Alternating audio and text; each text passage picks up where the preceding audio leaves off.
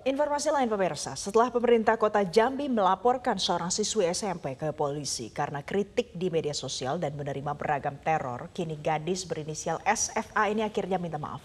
Belakangan SFA dan pemerintah kota Jambi sepakat untuk damai. Benarkah ini pertanda pemerintah anti kritik? Wali kota Jambi menyengsarakan seorang veteran. Kok bisa? Ini Nenek Hafsa, seorang veteran kemerdekaan Indonesia yang terzolimi. Jadi gini loh Wak ceritanya. Nenek Hafsa ini mempunyai rumah yang sudah berdiri pada tahun 1960, jauh sebelum perusahaan Cina ini ada.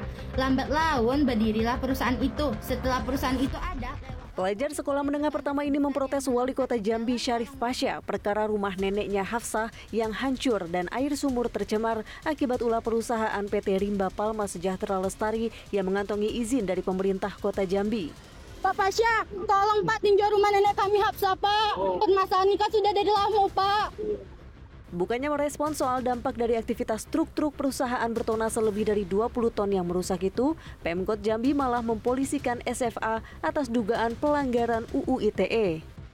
Padahal sudah berbagai cara ditempuh SFA sebelum memviralkan kasus ini. Nah itulah karena izin Pak Wali Kota, rumah nenek saya jadi hancur. Sudah hampir berjalan 10 tahun masa periode Pak Pasya. Sudah dilaporkan, Sudah dilapor, perbaikan apa segalanya? sudah semua, udah semua upaya udah kami keluarkan. Tapi dah- Selain kami berkor-kor katanya di media, tapi kami juga melewati proses pengiriman surat ke pusat hingga ke luar negeri. Tapi tidak ditanggapi. Sama sekali tidak ditanggapi. Apa Barulah ketika kasus ini viral sampai ke telinga Menko Polhukam Mahfud MD dan SFA meminta maaf, Pemkot Jambi akhirnya mencabut laporannya. Kedua belah pihak pun belakangan berdamai. Dan akhirnya anak kita ini sudah memberikan klarifikasi permohonan maaf. Sehingga dari permohonan maaf itulah yang mendasari bahwa pemerintah kota Jambi melalui hukumnya untuk mencabut laporannya. Uh, memang dari awal uh, kita jajaran Pemkot Jambi sudah menyampaikan komitmen kita kepada uh, penyidik Polda Jambi bahwa perkara ini tidak kita hendaki untuk naik ke tahap persidangan Menurut data SafeNet per Januari hingga Maret 2023, ada 30 kasus kriminalisasi di ranah digital dengan jerat UU ITE. Korbannya mencapai 49 orang, di mana mayoritas korban adalah konsumen disusul warganet. Sedangkan pelapornya paling banyak mewakili organisasi atau institusi disusul oleh pejabat publik. Secuil fakta ini pun dinilai menjadi wajah buramnya kebebasan berekspresi di Indonesia. Teknologi kecerdasan buatan atau AI kini menjalar ke sektor pendidikan. Banyak yang menyebutkan optimasi AI di dunia pendidikan membuat kegiatan belajar dapat beradaptasi dengan kebutuhan siswa. Namun ada juga yang menyebut bahwa AI akan mendistruksi peran guru di sekolah. Lantas, mana lebih menguntungkan bagi siswa?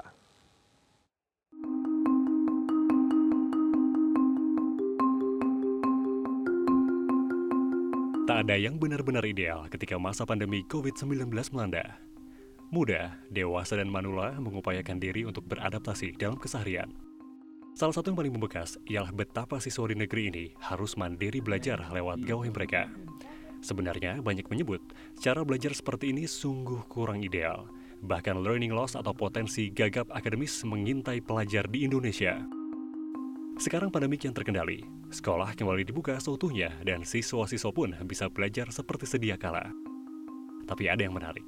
Belajar jarak jauh ketika pandemi nampaknya membuat anak kini kian cakap dan terbiasa menggunakan gawai dan menjelajah fitur di dalamnya. Sadar atau tidak, teknologi dan pendidikan kini lekat berdampingan. Transformasi digital merupakan tuntutan zaman kita saat ini. Pembelajaran digital merupakan gerbang bagi para pendidik dan peserta didik untuk menjelajah berbagai sumber pengetahuan dan untuk saling berkolaborasi. Pembelajaran digital merupakan proses belajar yang yang dapat menjadikan pembelajaran jauh lebih menarik, bermanfaat, dan berkeadilan. Kecakapan siswa menggunakan gawai untuk belajar tak usah diragukan.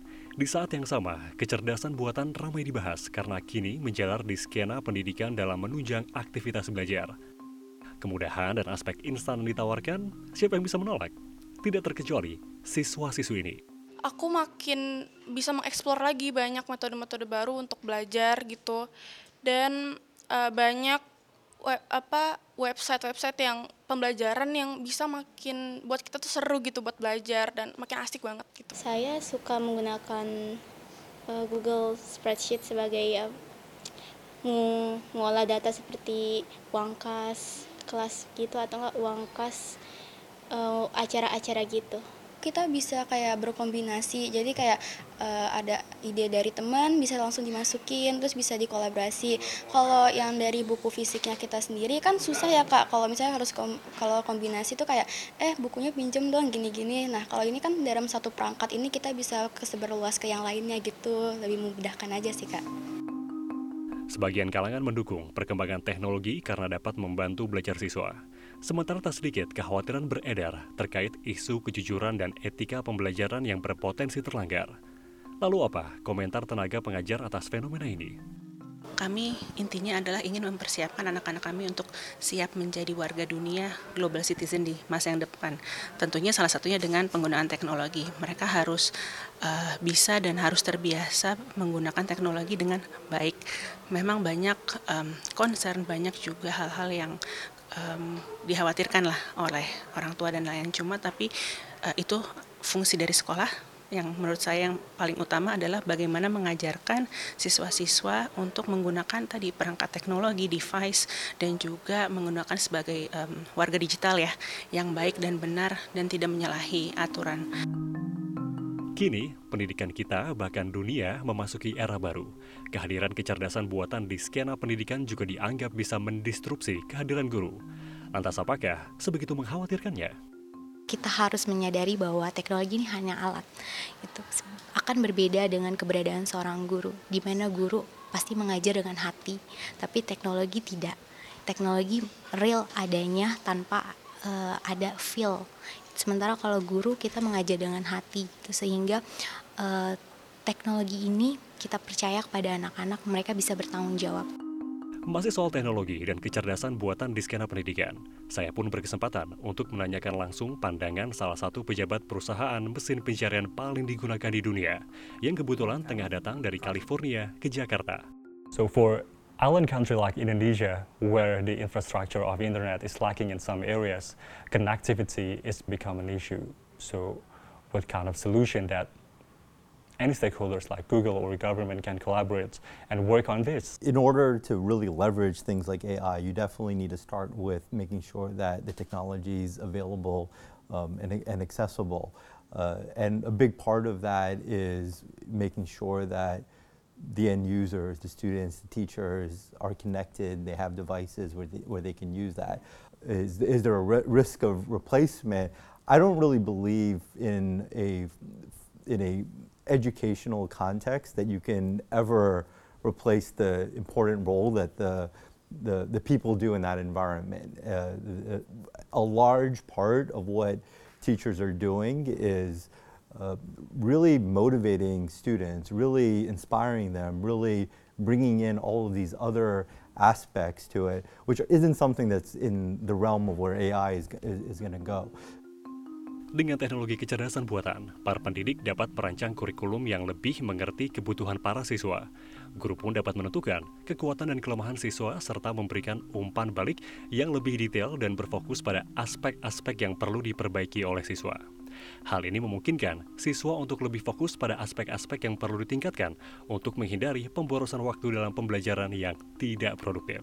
Ya, dan pemirsa kapal pinisi yang merupakan kapal tradisional masyarakat Bugis Makassar menjadi salah satu yang ditampilkan dalam event multilateral Naval Exercise Komodo atau MNEC 2023 di Makassar. Para delegasi dari berbagai negara bisa melihat secara langsung pembuatan kapal pinisi. Memasuki hari ketiga pelaksanaan event multilateral Naval Exercise Komodo atau MNEC 2023, yang berlangsung di kota Makassar, berbagai acara digelar. Salah satu yang menarik perhatian para tamu delegasi dari 36 negara adalah pembuatan kapal pinisi yang bisa dilihat secara langsung di kawasan Center Point of Indonesia atau CPI Makassar. Tak hanya pembuatan, Wali Kota Makassar Muhammad Ramdan Pomanto juga telah menyiapkan display atau tampilan yang berisi penjelasan tentang asal-usul, jenis, hingga desain pembuatan kapal pinisi. Hal ini bertujuan agar wisatawan terkhusus para peserta MNEC 2023 mendapatkan informasi tentang kapal pinisi yang merupakan warisan budaya dunia. Jadi kapal pinisi ini merupakan program pemerintah eh, Kota Makassar, program Risma Wali Kota, eh, bagaimana memperkenalkan bahwa Makassar ini eh, punya banyak eh, hasana budaya. Salah satunya adalah kapal pinisi ini yang sudah terkenal Nah, kemudian ini juga menjadi salah satu sarana uh, wisata edukasi uh, yang nantinya uh, kita akan tahu bagaimana sebenarnya proses pembuatan kapal pinisi itu. Selain melihat proses pembuatan pinisi, dalam kesempatan ini para delegasi juga diajak melaksanakan penanaman pohon tabibuya. Kegiatan penanaman bibit pohon merupakan bagian dari upaya penghijauan untuk menjaga kelestarian lingkungan dan keberlanjutan ekosistem. Dalam rangkaian event MNEC tersebut juga diramaikan dengan 50 stan UMKM binaan Dekran Nasda dan Dinas Koperasi Kota Makassar.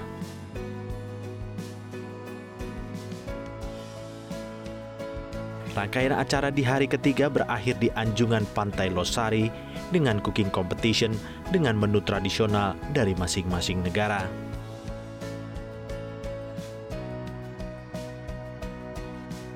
Event Multilateral Naval Exercise Komodo atau MNEC 2023 masih akan berlangsung hingga 8 Juni mendatang.